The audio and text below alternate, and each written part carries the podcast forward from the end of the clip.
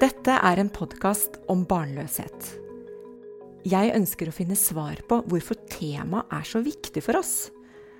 Jeg vil grave frem fakta på området, og ikke minst dele de viktige historiene bak. Jeg er Cecilie Hoksmark, og mitt mål er større åpenhet.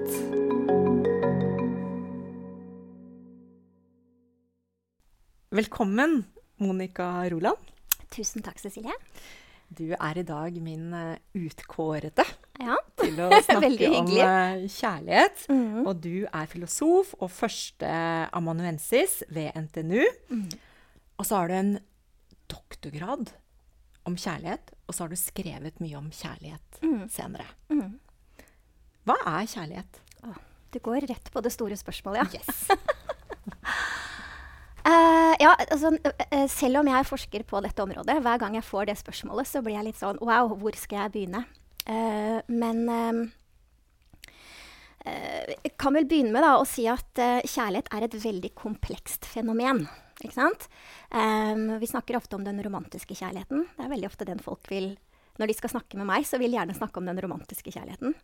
Eh, men eh, kjærlighet handler jo selvfølgelig om kjærlighet mellom foreldre og barn, og mellom familiemedlemmer og, og også nære venner kan man jo føle kjærlighet for.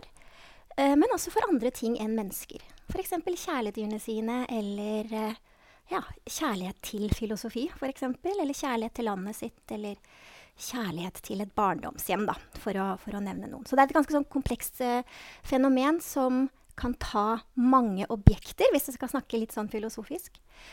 Um, men hvis jeg skal liksom velge ut noe da, når, øh, om hva det er som kjennetegner kjærlighet, særlig da kjærlighet mellom mennesker, så er det øh, et vanlig syn innenfor filosofi, som jeg tenker også gjenspeiler seg i øh, de fleste menneskers syn på kjærlighet, at det handler om å bry seg om noen for den andres skyld. I den forstand at man, man eh, går inn for, eller man ønsker å bidra til at den andre har det bra. Det handler om en type omsorg for den andre som påvirker, en, påvirker ens atferd. Vi gjør langt mer for de vi elsker, og de vi bryr oss om, enn andre mennesker. Sånn at det, det er en viktig del av eh, kjærlighet. Det der å hva skal man si, gå ut av sin vei for at den andre skal få det bra. Eh, og at man sånn sett kanskje adopterer da, eller tar til seg den andres interesser og, og mål. Og det er en anerkjennelse av at den andre har egne mål og interesser som kanskje ikke i utgangspunktet er en del av ens eh, egne interesser. Så det, det er et sånt viktig moment eh, ved kjærlighet. Et annet eh, vanlig syn innenfor filosofi, som jeg også tenker gjenspeiler seg i eh, de flestes syn på hva kjærlighet er, det er det at kjærlighet, eh, kanskje særlig den romantiske kjærligheten, kan man si, og kanskje særlig forelskelse, er eh, eh, en type oppmerksomhet eh, rettet mot den andre. Man har et veldig fokus på en annen person. Em, og at, eh, at det kanskje gjenspeiler seg litt i hvordan vi ønsker å bli elsket også. Det er at noen ser oss og elsker oss for den vi er. Som i seg selv er et ganske sånn stort og vanskelig tema. Um, men det å bli sett på en anerkjennende måte, ikke sant? det er en viktig del av, eh, av kjærligheten. Iris Murdoch, som kanskje veldig mange eh, best kjenner som forfatter av skjønnlitteratur. Hun var også en filosof, og en filosof som har fått en slags renessanse i dag. Hun var veldig opptatt av dette at kjærlighet, det, det er en, type oppmerksomhet rettet mot den andre, eh, og at man eh, virkelig går inn for, man jobber for å bli kjent med den andre og se den andre i et positivt lys. Og, og det å virkelig se den andre, det krever innsats, og det er noe man aldri helt blir ferdig med. Så det er også en viktig del av, eh, av kjærlighet. Skal jeg bare nevne én ting til? Um, et, eh, et syn som stammer eh, helt tilbake til antikken, er dette med at kjærlighet, i hvert fall den romantiske kjærligheten, er en type um, union. Altså at man finner sin bedre halvdel. At man smelter sammen med en annen, at man kommer hjem, at man blir hel, at man blir fullendt på et eller annet vis. Og det tenker jeg også er et syn som mange på en måte også har i dag om den romantiske kjærligheten. At det er noe med å finne sin sjelevenn. Denne som skal gjøre at jeg føler meg helt på plass. Um, og noen som jeg kan uh, gå rundt i verden sammen med. At jeg ikke føler meg alene. Det er mye mer selvfølgelig å si om kjærlighet og, og liksom de filosofiske um, tilnærmingene til kjærlighet, men, men, det er i hvert fall tre sånne områder, da. Um, eller egenskaper ved kjærlighet som, som uh, vi finner i den filosofiske litteraturen, og som jeg også tenker at vi finner igjen i uh, vanlige folk, eller folk flest, uh, syn på hva kjærlighet er, eller bør være, og hva vi ønsker oss av en kjærlighetsrelasjon. Jeg syns når du snakker nå, så, te så, tenker jeg at det, det, du beskriver, er jo også en bestevenn. Mm. Som ikke trenger å være en, eh, en seksuell eller en tiltrekning. Eh, Helt klart. Jeg tenker at veldig mye av disse idealene, for det er jo idealer på mange måter, er jo da eh, noe vi også finner igjen i dette med vennskap. Og nære, altså, nære vennskap spiller jo også en veldig viktig rolle i, i våre liv, selvfølgelig. Og, og um, for mange så tror jeg Jeg er helt enig med deg. For, for, mange så, så, når man leter etter en Om ikke en bestevenn, i hvert fall når man leter etter gode venner eh, som voksen, så, så er det også noe av dette man, man ser etter. Mm.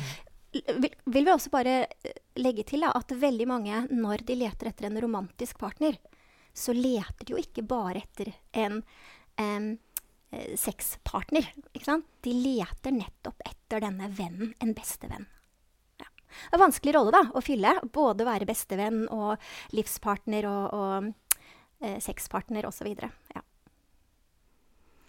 Hvor viktig mm, tenker du at eh, dette kjærlighets... Uh, denne forestillingen vi har da, mm. om, eh, om den romantiske kjærligheten, eh, er i et parforhold i vår kultur? Jeg tenker jo at uh, den romantiske kjærligheten, det å få til den romantiske kjærligheten, og særlig som du sier dette parforholdet, for det er veldig ofte det vi snakker om, at det er to stykker, at det har en ekstrem høy verdi i vår kultur. Um, det uh, er jo en, et ideal som også selges inn da, via populærkulturen. Det er skrevet mye om, om, kjærligheten. Det er mange filmer og TV-serier som tar for seg denne kjærligheten. Og, og hvor eh, altså Selv om det tilsynelatende handler om andre ting ved, ved, menneskelivet, så er det gjerne disse parforholdene som driver eh, historien fremover. Og kanskje når en TV-serie ender, f.eks., så, så ser man ofte at eh, noen av hovedpersonene da har endt opp med sin sjelevenn. Ja, at det er endestasjonen. Ja. Så, så uh, Nei, det er åpenbart at uh, den romantiske kjærligheten har høy status i vår tid. Og så ser den jo på én måte ut til å ha blitt vanskeligere å oppnå. Um, og da er det klart at da får den også uh, en enda høyere status. Um, det er flere og flere som av ulike årsaker, dette er komplekst, lever alene, og som um, ikke ender opp i et parforhold. Det er en utvikling vi ser i Vesten i dag. Um, um, og for så vidt også land som Japan og Sør-Korea. Um, og, og, hvor det byr på noen utfordringer. Selvfølgelig, det er kjempebra at vi lever i en tid hvor det er muligheter for å gå fra en partner hvis man uh, ikke trives i det forholdet, hvor det er mulighet for begge parter å skille seg. Um, og det er veldig fint uh, for uh, de som ønsker å leve uh, på en annen måte enn den tradisjonelle familiepakka. Um, men det er også mange som er det vi kan kalle ufrivillig single, og som går gjennom et helt voksenliv nærmest uten en, en fast partner. Og, og, og en del også uten nære relasjoner. Og så brukte du ordet det å være i et uh, parforhold som, en, som, har en veldig stor verdi. Noe mm. sånt nå, sa du. Mm. Og da lurer jeg på Er den satt altfor høyt? Det kan jo uh, være det at det er mange som har et urealistisk bilde av hva som uh, kreves av et kjæresteforhold, kan man si. Um, og hva man tenker at det kjæresteforholdet skal gi en. Det er jo sånn at vi vi lever i en tid og en kultur hvor eh, i hvert fall vår generasjon da, Cecilie, vi, er, vi, er, vi har jo vokst opp i den troen at vi lever i verdens beste land. Og eh, vi kan Altså, vi har et hav av valgmuligheter. Vi kan reise hvor vi vil, vi kan bli hva vi vil. Vi kan bli sammen med den vi vil. Uansett kjønn, ikke sant? Um, og, og, uansett Altså, vi, det, det er opp til oss å velge. Um, og det er et hav av muligheter der ute. Men med det havet av uh, muligheter, da, så, så, kommer det også en del sånn, hva skal man si, betingelser. Det er at man skal realisere seg selv, kanskje, gjennom dette forholdet.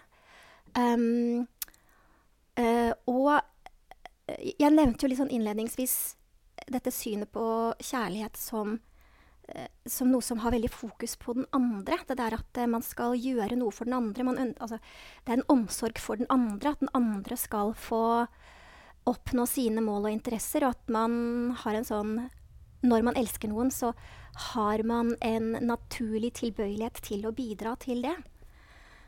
Um, og veldig mye filosofi om kjærlighet handler nettopp om um, hvordan kjærlighet påvirker den som elsker. Altså aktøren. Um, mens veldig mye i vår kultur, vår tid, tenker jeg, handler om hva kjærligheten skal gjøre for meg. Altså hvordan den andre skal være. Det blir litt sånn eh, en, selv, en, eh, en, en selvrealiseringsting. Kanskje en slags egotripp. Kanskje en slags narsissistisk reise. Fordi hvis den andre ikke passer liksom, den derre sjekklista som jeg har, um, så um, uh, er det veldig lett, tror jeg, for noen, ikke alle, men, men, for noen å si at dette er ikke bra nok. Og så er det vær så god, neste. Um, og det eh, er jo ikke jeg den eneste til å påpeke. Det er mange som snakker om det. At eh, hvis man skal ha et realistisk bilde på et langsiktig parforhold, så må man eh, eh, belage seg på at det skal være bare bra nok, kanskje. Innimellom kjempefint, men at det også kommer uh, tunge dager. Um, og at det ikke nødvendigvis er noe dårlig. Veldig ofte så er det sånn at hvis man kommer seg gjennom de dårlige dagene sammen, så blir man enda nærmere knyttet sammen. Um, men det kan være. tenker jeg. Det, er vel god grunn til å anta at det er noen som ønsker nære relasjoner, ønsker et livslangt forhold, um, men som ikke får det til. Delvis også fordi man har et urealistisk bilde på Eller urealistiske krav til den andre.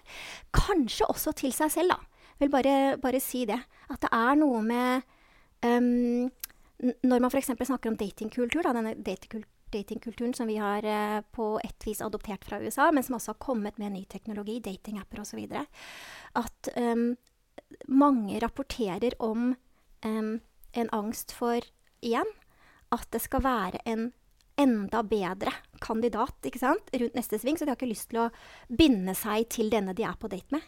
Men også nummer to, de er så redd for å bli avvist selv. De er så redde for å ikke bli liksom, sett som bra nok.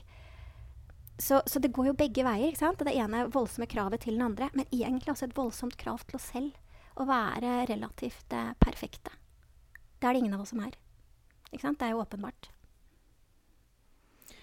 Du har um nevnt litt om uh, driverne til uh, at vi går inn i et uh, Nå sier jeg da parforhold, da. Det er det som står her ja. eh, når jeg forberedte disse spørsmålene. Men hvis du sier da kjærlighetsliv, da, eller mm. bruker et sånt uttrykk på det, så har du jo nevnt noe. ikke sant, At det er en sånn forestilling om at du blir en komplett person. At det på en måte Det er jo som om du trenger en annen for å bli hel. Mm. Det er liksom det som er meningen. At mm. man ikke skal vandre i livet alene, men at det skal være en sånn et bånd, en tosomhet eller et eller annet sånn. Mm. Fikk jeg en forestilling av når du sa mm. det.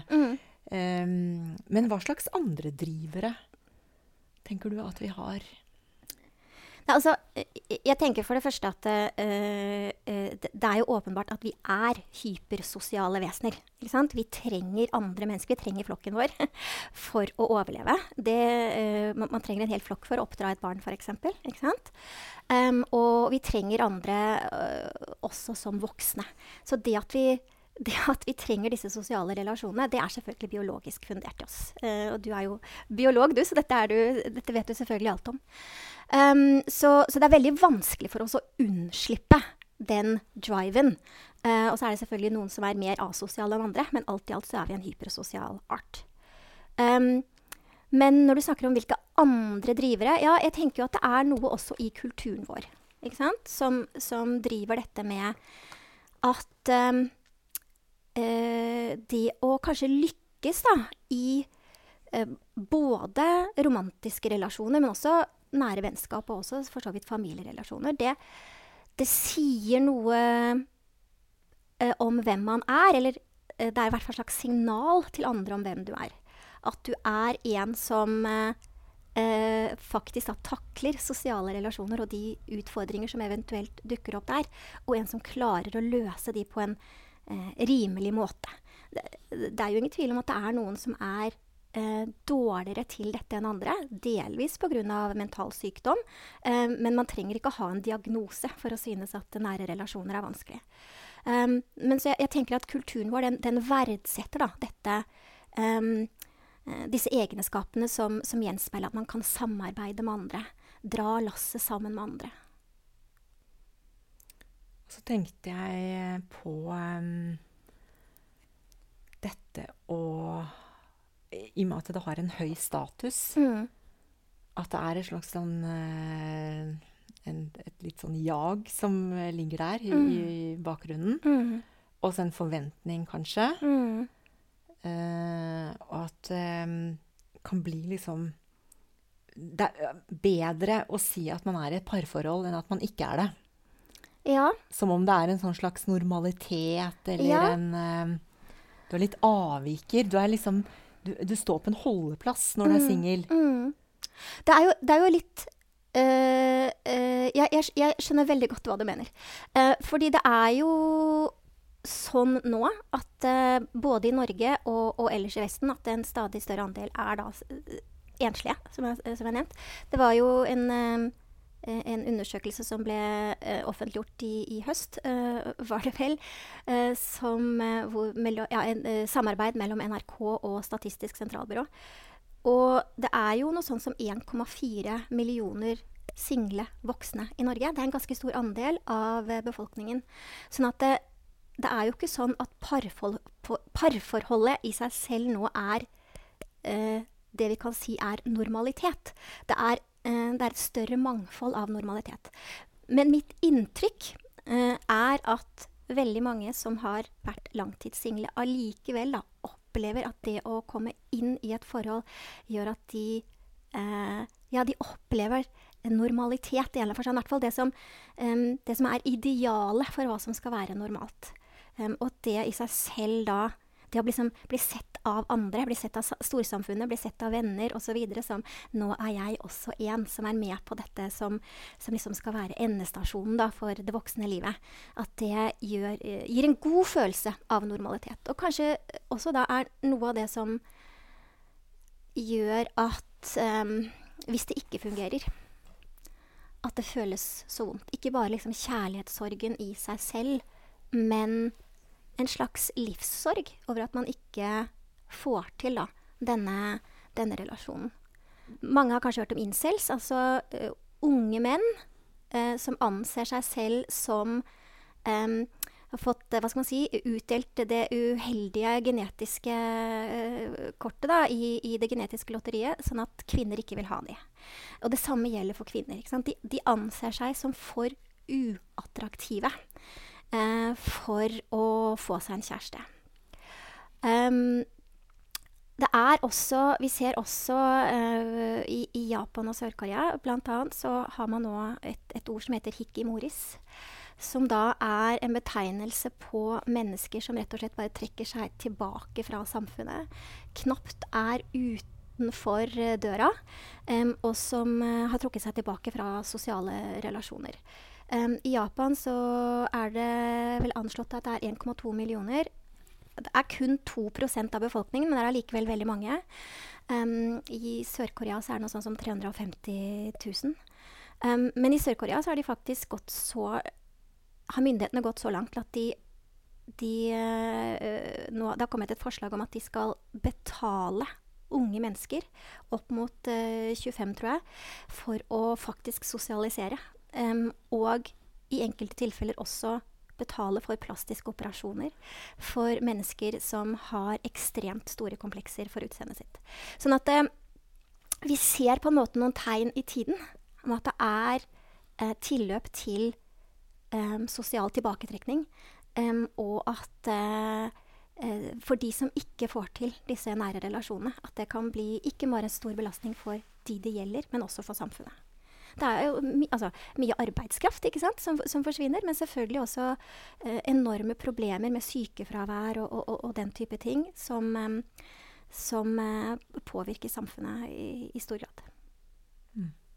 Så, så, så ja, bare sånn for å banke det inn. Nære Ja. relasjoner har veldig høy status. Ja. Vi må jo snakke om dette mm, forholdet og barn, da, i og med at denne podkasten heter 'Barnløs på godt og vondt'. Ja. Og, og selv så mm, tenkte jeg alltid Nei, ikke alltid, selvfølgelig gjør jeg ikke det, men når jeg, fra jeg var sånn ca. 30 år, da, at eh, voksenlivet mitt videre i parforhold, Mhm. det er med barn også. Mhm. Det var på en måte min eneste forståelse av det. Hvor, hvor viktig er det i samfunnet vårt i dag, tenker du? Jeg tenker jo at for, for veldig mange, helt naturlig selvfølgelig, så så er det en drøm det der å få barn. Og at det er en del av eh, pakka ikke sant? med parforholdet. Eh, og for veldig mange så er jo det å få barn eh, ekstremt meningsfullt. Eh, Selv om det er slitsomt, ikke sant? Så, så, så er det for veldig mange noe av det som gjør at livet får hva skal man si, en ekstra dimensjon og en, en, eh, en ekstra dybde. Og det ligger jo også eh, veldig sånn biologisk i oss, selvfølgelig. Um, og, og vi uh, har jo vokst opp i en kultur som, som dyrker da, denne kjernefamilien. Men det er også sånn at vi nå lever i et samfunn og en kultur som eh, i større grad em, åpner opp for et mangfold av livsstiler. Em, og, og det er ikke sånn at det å være barnløs i seg selv nå lenger bare portretteres som man si, noen stakkarer som ikke fikk det til. ikke sant? Um, men, eh, og jeg ser at det er noen som ja, vil ikke bruke ordet barnløs, men de vil bruke ordet barnefri, altså den type ting. Um, det er jo flere hva skal man si, eh, populærkulturelle stemmer som, som snakker om hvor bra de har det uten barn. At de virkelig ikke kunne tenke seg barn. Og så er det sikkert noen som er et sted midt imellom. At de aldri tenkte at de ikke skulle få barn, men det bare ble sånn. ikke sant? Um, det er jo åpenbart at for mange så er dette veldig, veldig sårt. Å ikke få til det med barn. Um, men for eh, mange så tror jeg også at det er eh, eh, sånn at de, de helt klart får til gode liv. Meningsfulle liv. Eh, og, og får gjort mange ting som, som også for så vidt eh, familier eh, med barn ikke får gjort. Så det er ikke et sånt entydig bilde. Og jeg tror vel at ja, at, at den kulturen vi lever i nå, den, den åpner opp for et mangfold av livsstiler. Og sånn livsstilsfrihet, kan vi kalle det. Det er mange forskjellige måter å leve på. Eh, det er selvfølgelig noen ting som, som må være til stede for at vi skal kunne ha gode liv. Um, men, eh, men du kan eh, fint leve et godt liv som enslig, eller i et parforhold med og uten barn, osv. jeg, men det er selvfølgelig fra mitt, fra mitt ståsted, da. Så tenker jeg at vi er ganske konservative fortsatt i Norge. Men det du egentlig sier nå, Mm. er at vi er i ferd med å åpne oss. Og ved å gjøre litt, så vil vi stadig mer gi rom for at eh, det finnes mange måter å leve gode liv på. Mm. Det tenker du at vi beveger oss mer og mer i den retningen? Ja, helt åpenbart, tenker jeg. Um, og det er veldig mange som ikke har barn.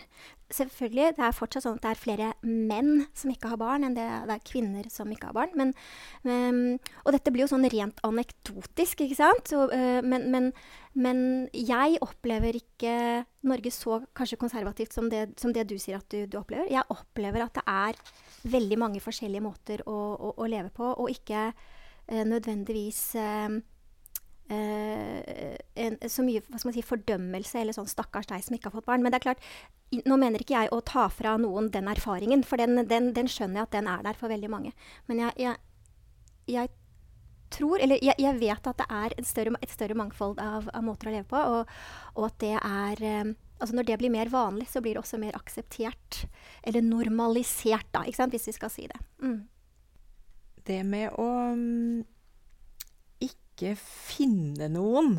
Mm. Det å føle at uh, livet er litt sånn uh, ikke er fullendt, da, mm. hvis vi skal bruke det ordet. Mm at det, liksom, det er akkurat som um, Det er det som er meningen, så, og så er man hele tiden på en slags uh, leting. Uh, tenker du at vi er for kravstore? jeg syns det er vanskelig å svare på, ikke sant? Fordi uh, det er veldig bra at vi har noen krav til den andre. Eh, og det er eh, Jeg regner med at vi alle er enige at man ikke skal eh, forbli i relasjoner som eh, er voldelige, f.eks. Eller, eller hvor man blir utsatt for psykisk mishandling. Um, så, så eh, det er kjempebra at vi får lov til å At vi har muligheten, også juridisk, eh, til å bryte ut av den type relasjoner.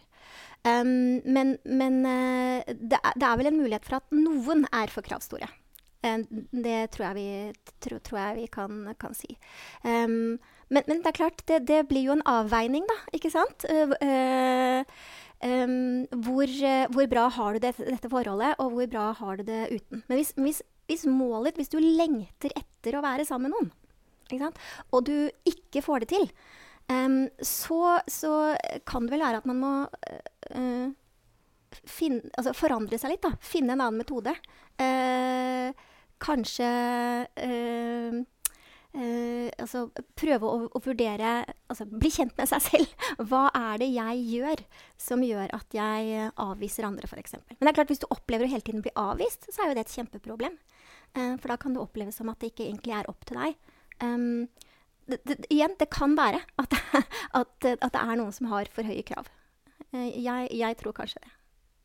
Men hvis jeg, hvis jeg, kan få si én ting, da, det der med å ha barn versus det å være barnløs, så er det jo sånn at uh, selv om man ikke har født barn, da, Cecilie, eller selv om man ikke har adoptert barn, så er det jo fortsatt mulig å være med å forme barn og, og gjøre de til hva skal vi si, mennesker som, som blir gode mennesker og gode samfunnsborgere. Er man tante eller onkel eller, eller har noen nære venner da, som, eh, som, har barn, så er det jo en veldig fin mulighet til å få være en del av deres liv. Selv så har jeg noen veldig fine tantebarn eh, som jeg elsker over alt på jord. og, og, det å få lov til å, å være en del av deres liv altså være en sånn aktiv del av deres liv. Å være en trygg voksenperson som de stoler på, og som de kan henvende seg til. Og noen ganger er det bedre å snakke med tante enn å snakke med, med mamma og pappa. Det er utrolig meningsfullt, og, og jeg får veldig mye glede ut av det. jeg bare si. Og jeg tenker jo at selv om jeg ikke har født de, så er jeg med på å forme de, og til å gjøre de til gode mennesker, forhåpentligvis. Um, sånn at um, uh, Ja det, det, det, kreves ikke bare uh, to foreldre å um, Hva skal man si eh, Få til dette med barn, tenker jeg. Det krever, eh, krever en hel landsby, har jeg hørt. Men det er også sant, noe som Om man ikke har fått til dette med barn selv, um, så, så, betyr ikke det at man ikke kan ha gode, meningsfulle relasjoner til, eh, til barn.